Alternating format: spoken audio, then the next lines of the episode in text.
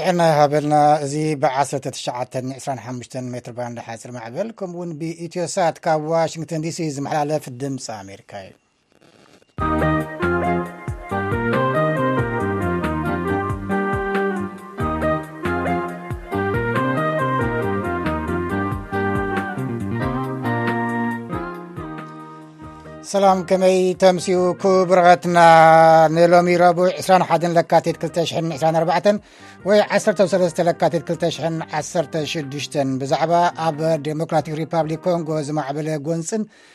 መገሻ ሚኒስትሪ ወፃኢ ኣሜሪካ ናብ ብራዚልን ካብቲ ድሕሪ ዜና ንሪኦ ክኸውን እዩ ኣብ ተረኛ መደብ ህዝቢ ምስ ህዝቢ ድማ ብዛዕባ ኣርቲፊሻላዊ ብልሒ ንቋንቋ ትግርኛን ክዝቲ እዩ ሰናይ ምክታል ዜና ክነቐድም ካብ በትረ ስልጣን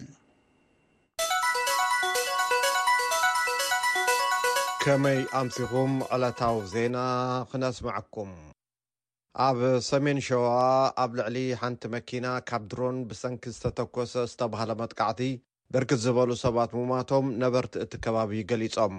ሓደ ኣባል ቤተሰቦም ካብ ሞንጎ ዝተቐትልዎም ከምዝኾኑ ዝዛረብ ውልቀ ሰብ፣ እቲ መጥቃዕቲ ምስ ካልኦት ይዕጅብዎም ዝነበሩ ኮይኖም ንስነ ስርዓት ክርስትና ወዶም ኣፈፂሞም ናብ ገዝኦም ኣብ ልዕሊ ይምለሱ ዝነብሩ ሰባት ከምዝተፈፀመ ሓቢሮም።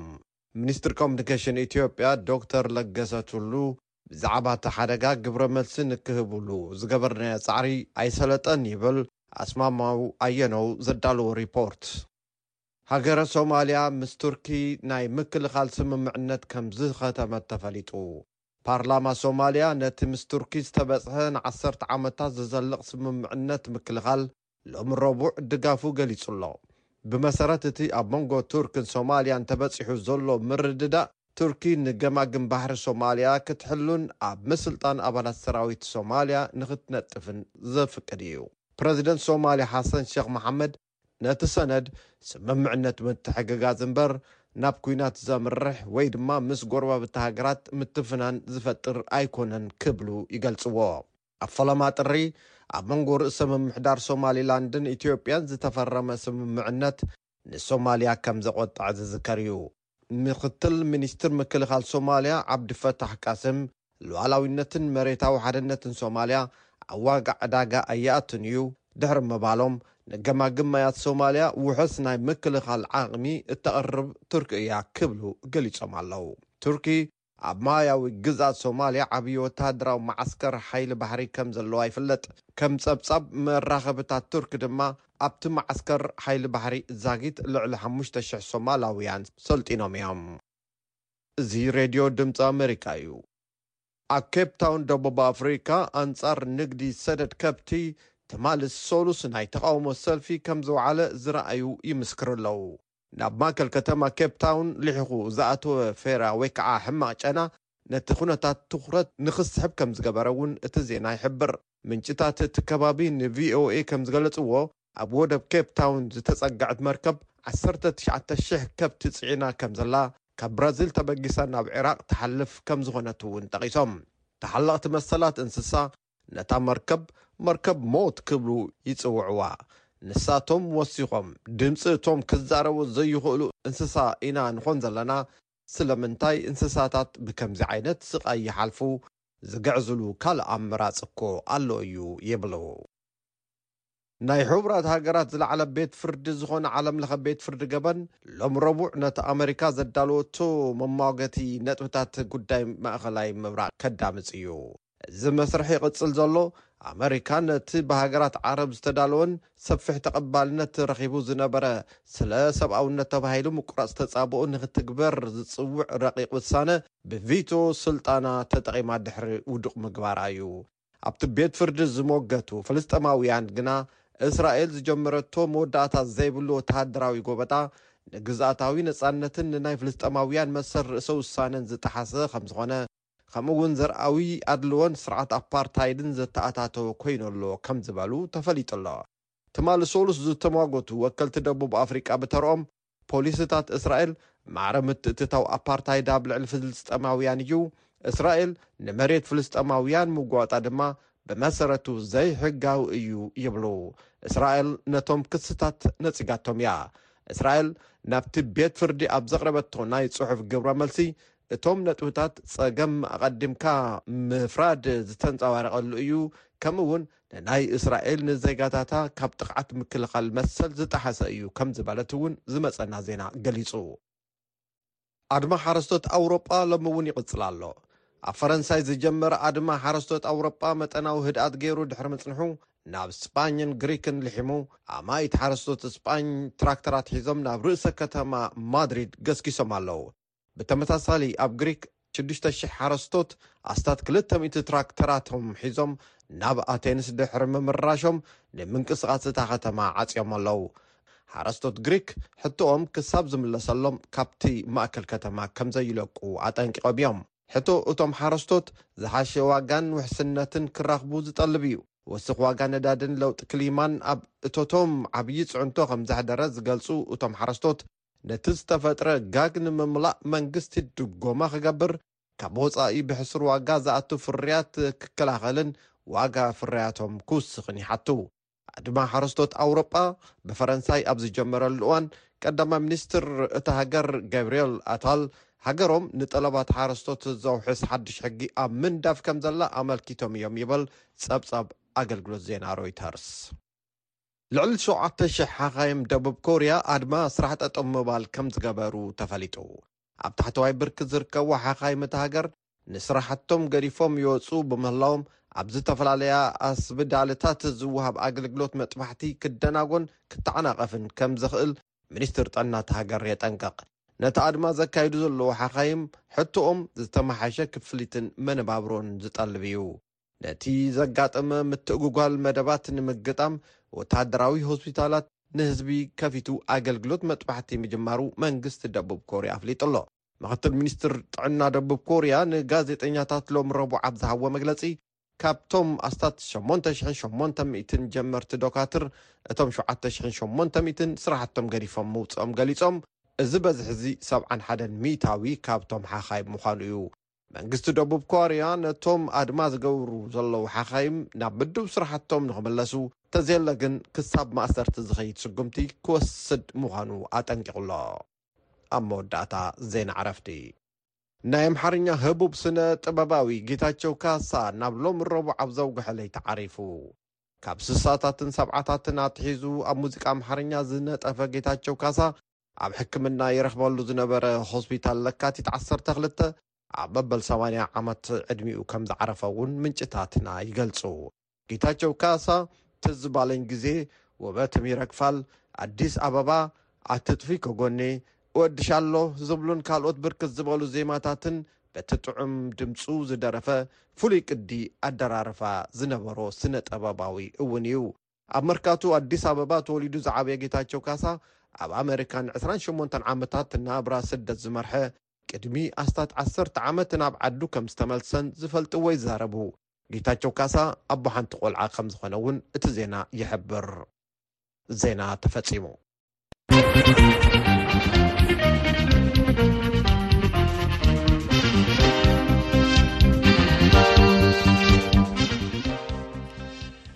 ድምፂ ኣሜሪካ ዝሰምዑ ኣለኹም ካብ ዋሽንግተን ዲሲ ናብ ድሕሪ ዜና ክንሓልፍ ኣብ ዴሞክራቲክ ሪፓብሊክ ኮንጎ ንዘሎ ህውከት ኣብ ምህድኡ ንምሕጋዝ ተዋፊሮም ዝነበሩ ክልተ ደቡብ ኣፍሪቃውያን ብተወንጫፊ ተቐቲሎም ካልኦት ሰለስተ እውን ምቕሳሎም ደቡብ ኣፍሪቃ ኣፍሊጣ ኣላ እቶም ወተሃደራት ከም ኣካል ዞባዊ ሓይሊ ደቡባዊ ኣፍሪቃ ብምዃን እዮም ኣብታ ሃገር ንዘሎ ናዕቢ ኣብ ምዝሓሉ ንምሕጋዝ ናብ ኮንጎ ዝኸዱ ንጸብጻብ ትካል ዜና ፈረንሳ ኣጃንስ ፍራንስ ፕረስ ሚኒ ኣፍወርቂ ክተቕርቦ እያ ደቡብ ኣፍሪቃ 2,900 ዝኾኑ ወተሃደራታ ናብ ዲሞክራቲክ ሪፓብሊክ ኮንጎ ከተዋፈር ዝጀመረት ካብ ዝሓለፈ ፍርቂ ወርሒ ታሓሳስ ነጀው እዩ እዞም ሕጂ ዝተቐትሉ ወተሃደራታ ከኣ ፈላሞት ሞት ዘጋጠሞም ደቡብ ኣፍሪቃውያን ኣባላት እቲ ኣብ ዲሞክራቲክ ሪፓብሊክ ኮንጎ ንዘሎ ህውከት ንምህዳእ ዝተዋፈረ ዞባዊ ሓይሊ ደቡባዊ ኣፍሪቃ እዮም።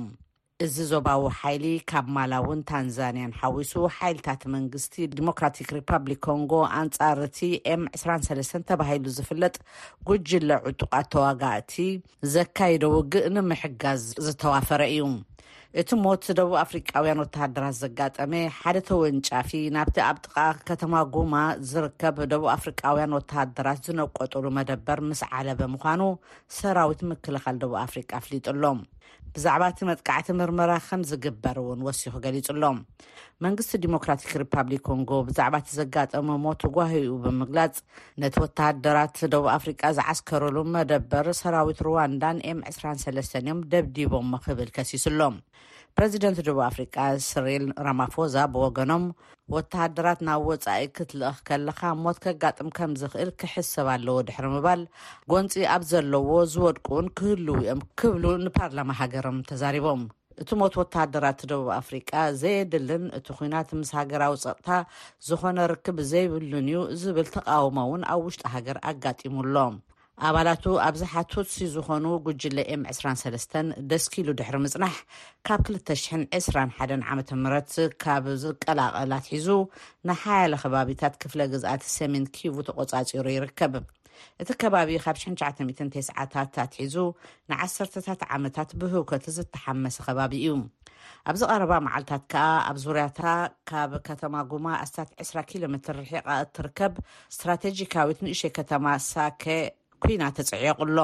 ምዕራባውያን ሃገራት፣ ሩዋንዳ፣ ጉጅለ ኤም ዕስራን ሰለስተን ነቲ ብፍልፍላት ማዕድናት ዝሃብተመ ከባቢ ንኽቆጻጸሮ ትድግፎ ኣላ ክብላ ይኸሳ። ኪጋሊ ግን ነዚ ክሲ ትነጽጎ። ብመሰረት ትካል ዜና ፈረንሳይ ኣጃንስ ፍራንስ ፕረስ ዝረኸቦ ሰነድ ሕቡራት ሃገራት፣ ሰራዊት ሩዋንዳ ንጉጅለ ኤም ዕስራን ሰለስተን ንምሕጋዝ ከም ካብ መሬት ናብ ኣየር ዝውንጨፍ ሚሳይላት ዝበሉ ዘበናዊ ኣጽዋራት ትጥቀም ኣላ። ጉጅለ ኤም ዕስራን ሰለስተን ነቶም ስግኣት ዘለዎም ውሑዳን ማሕበረሰብ ይከላኸለሎም ምህላዉ ብምግላፅ ምስ መንግስቲ ልዝብ ክገብር ከምዝደሊ ይገልፅ። መንግስቲ ግን ኣሸበርቲ ብምባል ነዚ ምድርዳር ዝብል ሓሳብ ይነፅጎ።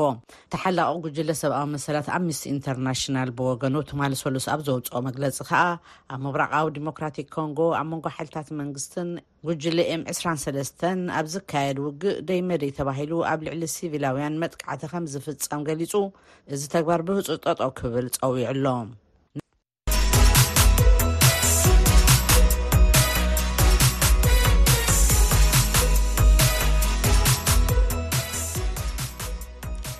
ድምፂ ኣሜሪካ ናብ ካልኣይ ፀብፃብ ክንሓልፍ ሚኒስተር ጉዳያት ወፃኢ ኣሜሪካ ኣንቶኒ ብሊንከን ንመጀመርያ ግዜኡ ኣብ ብራዚል ምብፃሕ የካይድ ኣሎ ዑደት ብሊንከን ናብ ዋዕላ ጉጅለ ዕስራ ዝቐንዐ እኳ እንተኾነ ፕሬዚደንት እታ ሃገር ሉዊስ ሉላ ሲልቫ ነታ መሓዛ ዋሽንግተን ዝኾነት እስራኤል ኣብ ቃዛ ተካይዶ ዘላ ወፍሪ ምስቲ ኣይሁድ ዝፀነትሉ ታሪክ ሆሎኮስት ብምውድዳሩ ምስ ዋሽንግተን ዲፕሎማስያዊ ምሕርፋፍ ኣብ ዝተረኣየሉ እዋን ኮይኑ ኣሎ ካብ ኣጃንስ ፍራንስ ፕረስ ናብ ዝረኸብናዮ ፀብፃብ በዛ መሰጋገሪት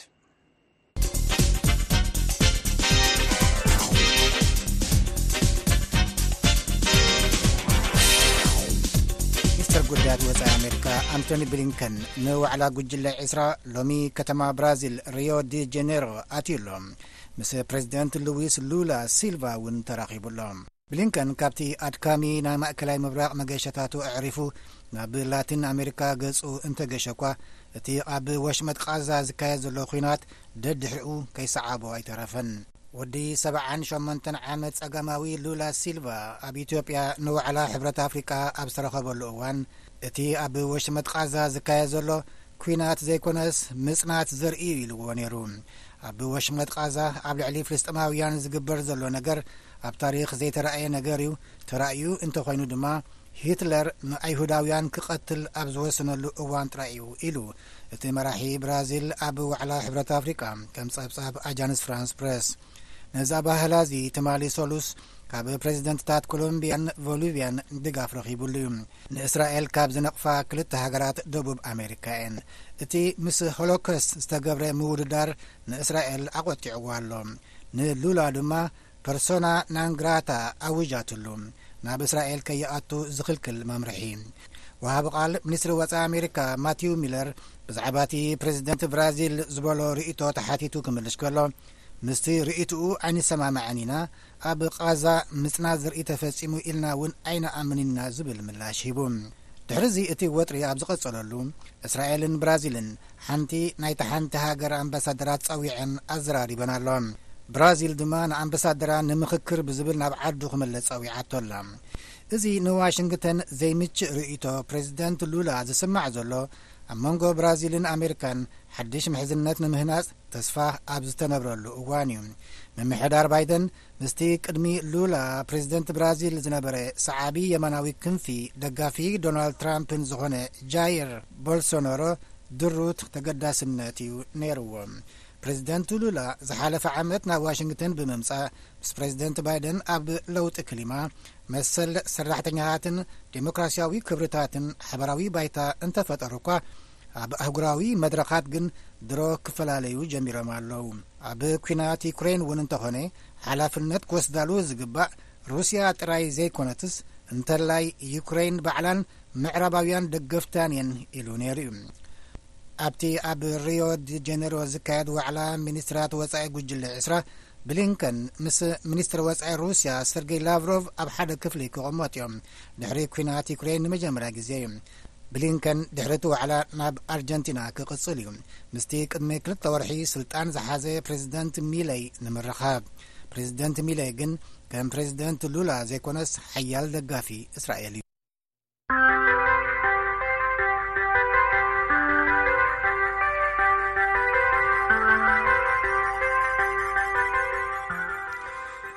ኣብ ሳልሳይ ጸብጻብ ናብ ኬንያ ክንሓልፍ ቁጠባዊ ብድሆታት ዘጓነፈን ካምፓኒታት ኬንያ ወፃኢታት ፍርያተንን ምልላይ ንምንካይ ናብ ሰብ ሰርሖ ብልሒ የዘንብላ ኣለዋ እዚ ድማ ኣርቲፊሻላዊ ብልሒ ነቲ መዓልታዊ ዝዓይዎ እንተብሒትዎ ስራሕቶም ከይስእንዎ ኣታዊታቶም እውን ከይስእንዎ ስግኣት ዝሓድሮም ስነጥበባውያን ትካላትን ምልላይን ጭንቀት ፈጢሩሎም ይርከብ መሓመድ የሱፍ ካብ ናይሮቢ ዝለኣኾ ፀብፃብ ሳራፍሳየ ከተቕርበ እያ ተቐባልነት ሰብ ሰራሕ ብልሒ እናወሰኸ ይኸይድ ኣብ ዘለሉ እዚ እዋን፣ ኩባንያታትን ትካላትን ንግዲ ኬንያ ግዘኣንን ወፃእታተንን ንምቑጣብ ኮምፒዩተር ዝቆፃፀሮም ሮቦታት ኣብ ዝተፈላለዩ ስራሕቲ ንምትእትታው ኣይደንጎያን። ካርተሲ ሓደ ካብቶም ኣብ ናይሮቢ ማእኸሎም ዝገበሩ ካምፓንታት ሕትመት ንኣርቲፊሻላዊ ብልሒ ኣብ ጥቕሚ ዘውዓለ እዩ። ነቲ ካብ ደገ ብዝመፁ ስነ-ጥበባውያን ዝምርኮስ ዝነበረ ስራሕቱ ንሰብ ሰራሕ ብልሒ ብምጥቃም ንገበር መጻሕፍቲ፣ መልእኽቲ ጽሑፋትን ንድፍን ዝኣምሰሉ ስራሕቱ የከናውን። በዚ ድማ እቲ ሰለስተ ኣዋርሕ ዝወስድ ዝነበረ እዋን ሕትመት ንድፊ ብኽልተ ሲሶ ቐኒሱ ናብ ሓደ ወርሒ ኣውሪድዎ። ኣላን ኦመንዲ ላዕለዋይ ምህዞ ንድፊ እቲ ትካል እዩ። Cause everything is within your fingertips. ምኽንያቱ ኩሉ ብኣጻብዕትኻ እትቆጻጸሮ እዩ። ስለ ዝኾነ ግዜ ጥራይ ኣይኮንካን ትቑጥብ ትቖጽሮ ስራሕተኛ እውን ስለ ዘየሎ ወጻኢ እውን ትቕንስ እቲ ብሰብ ሰራሕ ብልሒ ዝቖጠብናዮ ወጻኢ ኣብ መወዳእታ ናብ ፍርያት ተተርጒሙ ንረኽቦ። ሓላፊ ትካል ዊድሮው መራኸቢ ብዙሃን ምብራቓውን ደቡባውን ኣፍሪካ ዝኾኑ ዴቪድ ካረጋ ሰብ ሰራሕ ብልሒ ካምፓኒታት ቀልጢፎም ናብ ዓማዊሎም ንኽበፅሑ ይሕግዞም ኣሎ ይብሉ። ኩሎም ማሕበራት፣ ትካላትን ካምፓኒታትን ኣብ ስራሕ ብልሒ ዋላ እውን ባጀት ኣብ ዘይብሎም እዋን ውፅኢታዊ ርክባተይ ንኽቕፅል ብኸመይ ክሕግዘኒ ይኽእል ብዝብል ከም ፈታሒ ሽግራቶም ይርእይዎ ኣለዉ። ካልእ ካብዚ ዝተዓዘብኮ ኣርቲፊሻላዊ ብልሒ ከም ፈጣሪ ክብርታት እናኾነ ይመጽእ ምህላዉ እዩ። ብምዃኑ ብመዳይ ትካላት ኮነ ዓማዊል በዚ መዳይ ክርእይዎ ይኽእሉ እዮም። ተቐባልነት ሰብ ሰራሕ ብልሒ እናዓበየ ምምጽኡ ስነጥበባውያንን ትካላት ምልላይን ኣብ ኣታዊኦምን ስራሕቶምን ጽዕንቶ ንኸይፈጥር ስግኣት ኣሎ። ሳይሞን ምዋንዝያ ኣብ ከምዚኦም ዝበሉ ናይ ፈጠራ ስራሕቲ ዝተዋፈረ ወናኒ ዘ ኣርትስ ግሩፕ ዝተባህለ ትካል እዩ። ዋላ እኳ ካምፓኒታት ምልላያተንን ምውዕዋዓተንን ንምሕላው ኣብ ስነ ጥበበኛታት ክምርኮሳ ዝበለጸ ምዃኑ እንተገለጸ፣ ነቲ በቲ ውጽኢት ፈጠራ ቴክኖሎጂ ዝተረኽበ ልምድን ረብሓ ወጻእታትን እውን ኣፍልጦ ይህብ። እቲ ንድፊ ኣብ ውሽጢ ገዛ ዝውዳእ እዩ። ብምዃኑ እቲ ትካል ዝወሓደ ኣታዊ ይረክብ ኣሎ ማለት እዩ። እዚ ድማ ክሃስየና ምዃኑ ርግጽ እዩ። ይኹን እምበር ካምፓኒታት ከምኡ ዝመርጻሉ ኩነታት ክህሉ እዩ ኢልና ኣይንጽበን። ምኽንያቱ ሰባት ኣብቲ ቀንዲ ሓይሎም ከተኩሩ ኢና ጠመተ ጌርና ነተባብዕ። ኣብዚ እዋን ሰብ ሰራሕ ብልሒ ኣብ መወዓውዕታት ወይ ድማ ኣድቨርታይዚንግ ተበላሸወ ቅርጺ ሒዞም ዝተፈጥሩን ዘይዓለማዊ ትርኢታትን ንምፍጣር ኣብ ጥቕሚ ይውዕል ኣሎ። እዚኦም ድማ ኣብ ምእራም ወይ ድማ ኤዲቲንግ ብዙሕ ሰዓታት ዝወስዱ ዝነበሩ እዮም። ይኹን ደኣ እምበር ዓለም ለኸ ማእኸል ምልላይ ወይ ድማ ምውዕዋዕ ከም ዝበሎ ኣብ ዝሓለፈ ዓመት ኣፍሪካዊ ዓውዲ ምልላይ ብ ዓሰርተ ሓደ ነጥቢ ሽዱሽተ ሚእታዊ ምውራዱን እዚ ኸኣ ተጠቃምነት ሰብ ሰራሕ ብልሒ ምዕባዩ ዘመላኽት እዩ።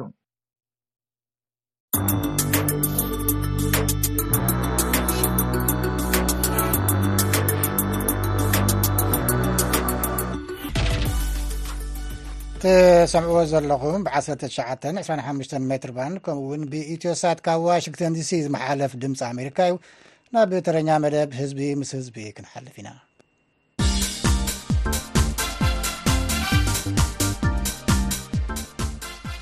ናይ ሎሚ መደብ ህዝቢ ምስ ህዝቢ ብዛዕባ ኣርቲፊሻላዊ ብልሒን ቋንቋ ትግርኛን እዩ ዝዝቲ ክልተ ናይ ቴክኖሎጂ ክኢላታት ዓዲምና ኣዘራርብና ኣለና ገብረ ክርስቶስ ገብረ ስላሴ ካብ ኔዘርላንድስን ክፍላይ ተወልደብርሃን ካብ ዓዲ እንግሊዝን እዮም።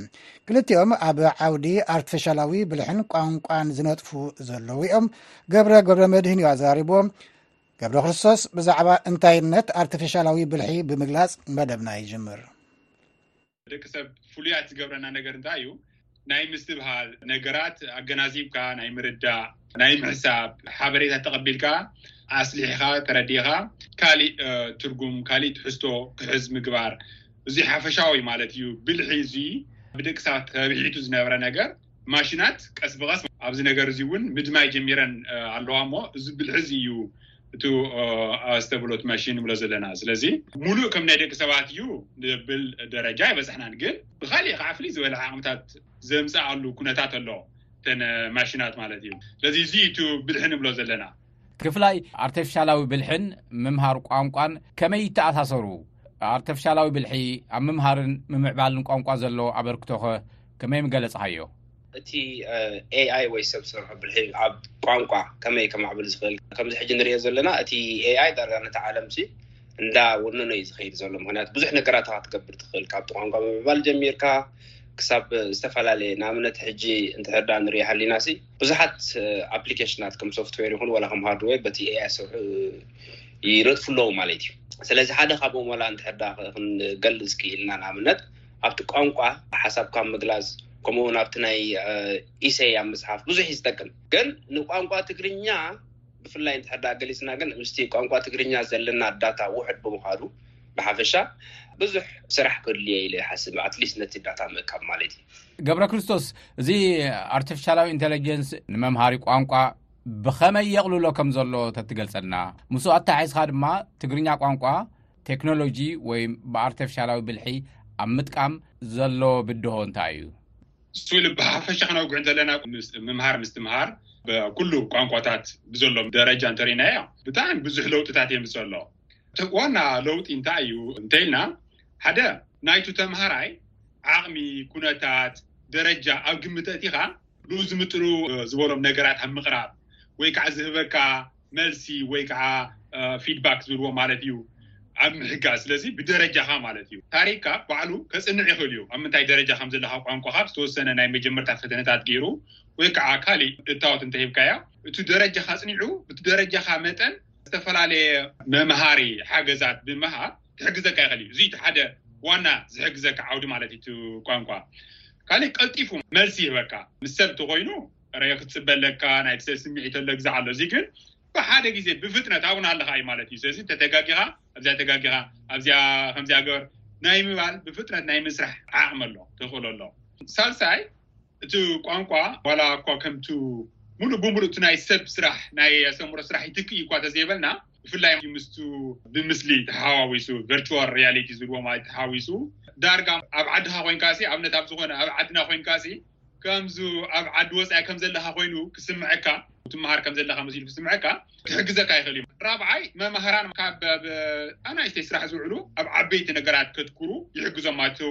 ስራሕቲ ንእስ ንእስ ዝበለ ማሽን ክሰርሑ ብምግባር ኢልና ክንከ ንኽእል ኢና። ሳልሳይ፣ ብስሩ ኣብ ፅሕፈት ማለት እዩ። ኣብነት ብፍላይ እቲ ደረጃ ትምህርቲ ናይ ቋንቋ ትምህርቲ እሲ ስኢሉ ዋላ ኣብነት ኣነ ከም ተመራማራይ እዚ ናይ ምርምር ፅሑፍ ክፅሕፍ እንተለኻ ከምዚ በዓል ቻት ጂፒቲ ዝበሉ ነገራት ክሕግዙካ ይኽእሉ እዮም እዚ እቲ ቋንቋካ ተፈጥሮዊ ዝኮነ ፍሰት ክህልዎ ዋሕዚ ክህልዎ ብጣዕሚ ኣብ ብዙሕ ብርኪ እዩ ክሕግዘካ ዝኽእል እቲ ቋንቋ እቲ ዋና ነገር ግን እንታይ እዩ ዓቅምኻን ደረጃኻን ተረድኡ መልሲ ናይ ምሃብ ተኽእሎ ስለ ዘለዎ ዓብዪ ሓገዝ ክኾን ይኽእል እዩ ማለት እዩ ኣብ ቋንቋ ትግርኛ እዚ ዕድል እዚ ኣለና ዶ እንተኢልና የብልናን ኢና ኣብነት ቻት ጂፒቲ እንድሕር ብትግርኛ ዝኾነ ፀሓፍለይ እንተኢልካዮ ዝተወሰነ ፈተነታት እኳ ኣነ ለጣጢፈ ፈልጥ ዛቃዚ ማትዩ ትርጉም ዘለዎ ስራሕ የለን ዋና ፀገሙ እንታይ እዩ እንተይልና ብትግርኛ ዝተፅሓፈ እኹል ዝኾነ ፅሑፋት ስለ ዘየለዩ ኣብቲ ኢንተርኔት ምክንያቱ እቲ ከም ቻት ጂፒቲ ዋላ ካልእ ቴክኖሎጂ እውን ኣብ ኢንተርኔት ዘሎ ኣብ ቁሉዕ ባይታ ዘሎ መረዳእታታት ኣኪቦም እዮም ስራሕ ዝሰርሑ ዘለዎ ማለት ስለዚ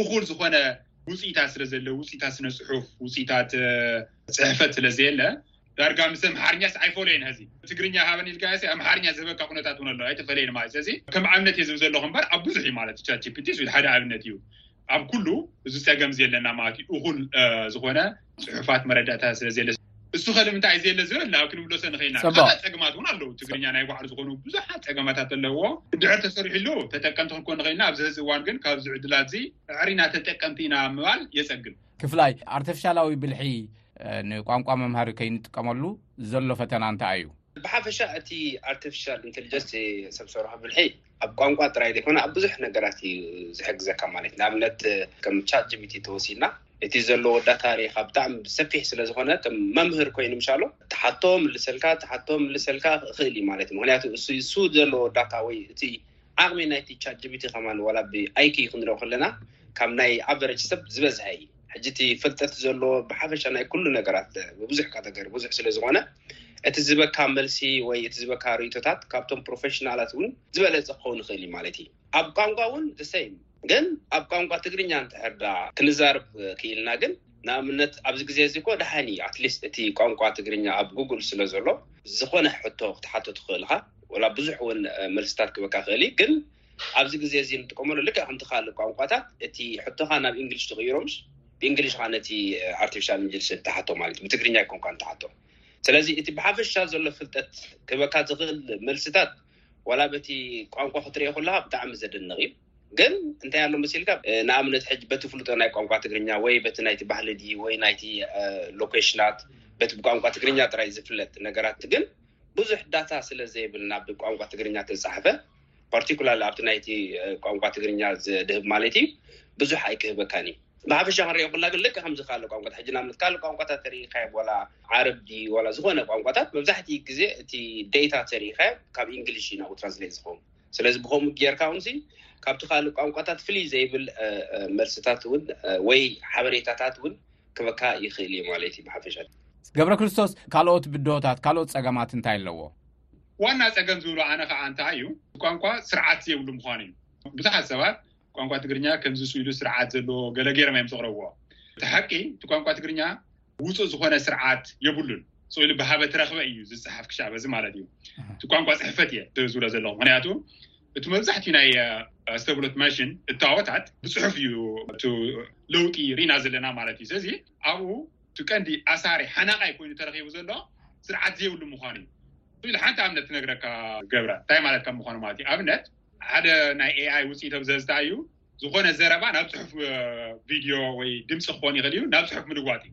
ድሕሪ ትግርኛ ካብዚ ተጠቃማይ ክኾን እንተኾይኑ ሓደ ሰብ ኣነ ኣብነት ገብረ ከምዝጸሓፎ ኢለ ዝኾነ ነገር ብኣፈይ እንተተዛሪበሲ ከመይ ገይሩ እዩ እቲ ኣስተብሎት መሽን ክህበና ዝኽእል ብምንታይ እንተይልካ ምክንያቱ እታ ፀሓፎ ዝብል ቃል ፀድያ እታ ናይ መጀመርታ ፃድያ ፅድያ ስለዚ እዚ መሰረታዊ ዝኾነ ነገር ክንውስን ክሳብ ዘይከኣልና ዋላ እቲ ቴክኖሎጂ እንተማዕበለ ማለት እዩ እቲ ቋንቋ ፅሕፈት ስርዓት ክሳብ ዘይሃለዎ ትደርቲ ክትድር ኣይትኽእልን እዚ ቀንዲ ኣሳሪ ኮይኑ ዘሎ ማለት እዩ እቲ እዚ እንጥቀመሉ ቋንቋ ፅሕፈት ስርዓት ዘይብሉ ስቁል ብሃበተ ረክበ ኣብ ግብሪ ዝውዕል ስለዝኾነ ሰብ ከዓ ከከም ዝደልዮ ዝፅሕፎ ስለዝኾነ ኣብ ብዙሕ ነገር ኣፀጋሚ ኮይኑ ማለት እዩ